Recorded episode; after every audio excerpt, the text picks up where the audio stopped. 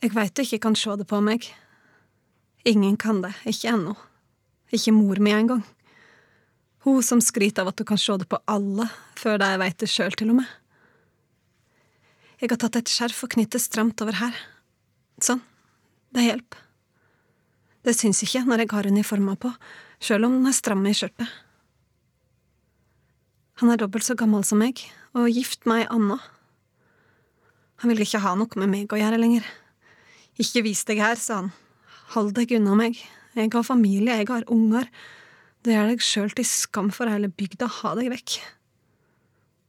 Han som sa han likte meg så godt. Han som ville ha meg med inn på rommet på hotellet. Jeg hadde akkurat rydda rommet hans. Han som var så mjuk og varm.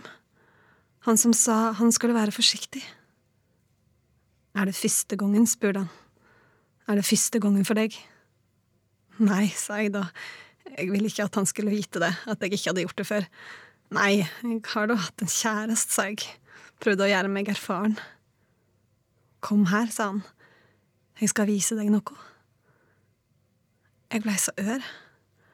Han hadde slik ei fin, hvit skjorte på seg, og slipset litt laust knytta.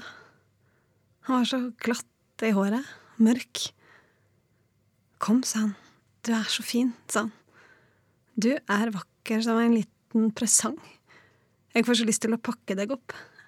En liten presang til meg. Du har ei sånn fin sløyfe på forkleet ditt. Kan jeg gå opp nå på og sjå? Ja, sa jeg da, det kan du vel. Så knytte han opp forkleet mitt og sa at jeg var akkurat det han hadde ønska seg. Jeg var akkurat sånn han hadde ønska seg at jeg skulle være.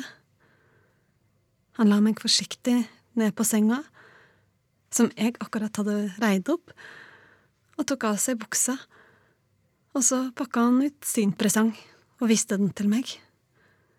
Han sa han skulle være forsiktig, han skulle passe på at det ikke skjedde noe farlig, noe som kunne få konsekvenser. Nå sitter jeg med en konsekvens i magen.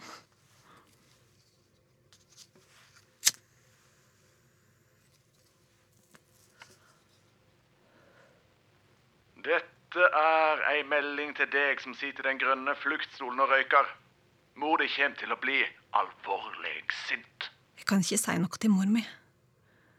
Jeg er jo bare en unge sjøl, akkurat fylt 16. En unge med en unge inni seg. Du har hørt utdrag fra Dette er ei lita fortelling om Åse av Ingrid Jørgensen Dragland.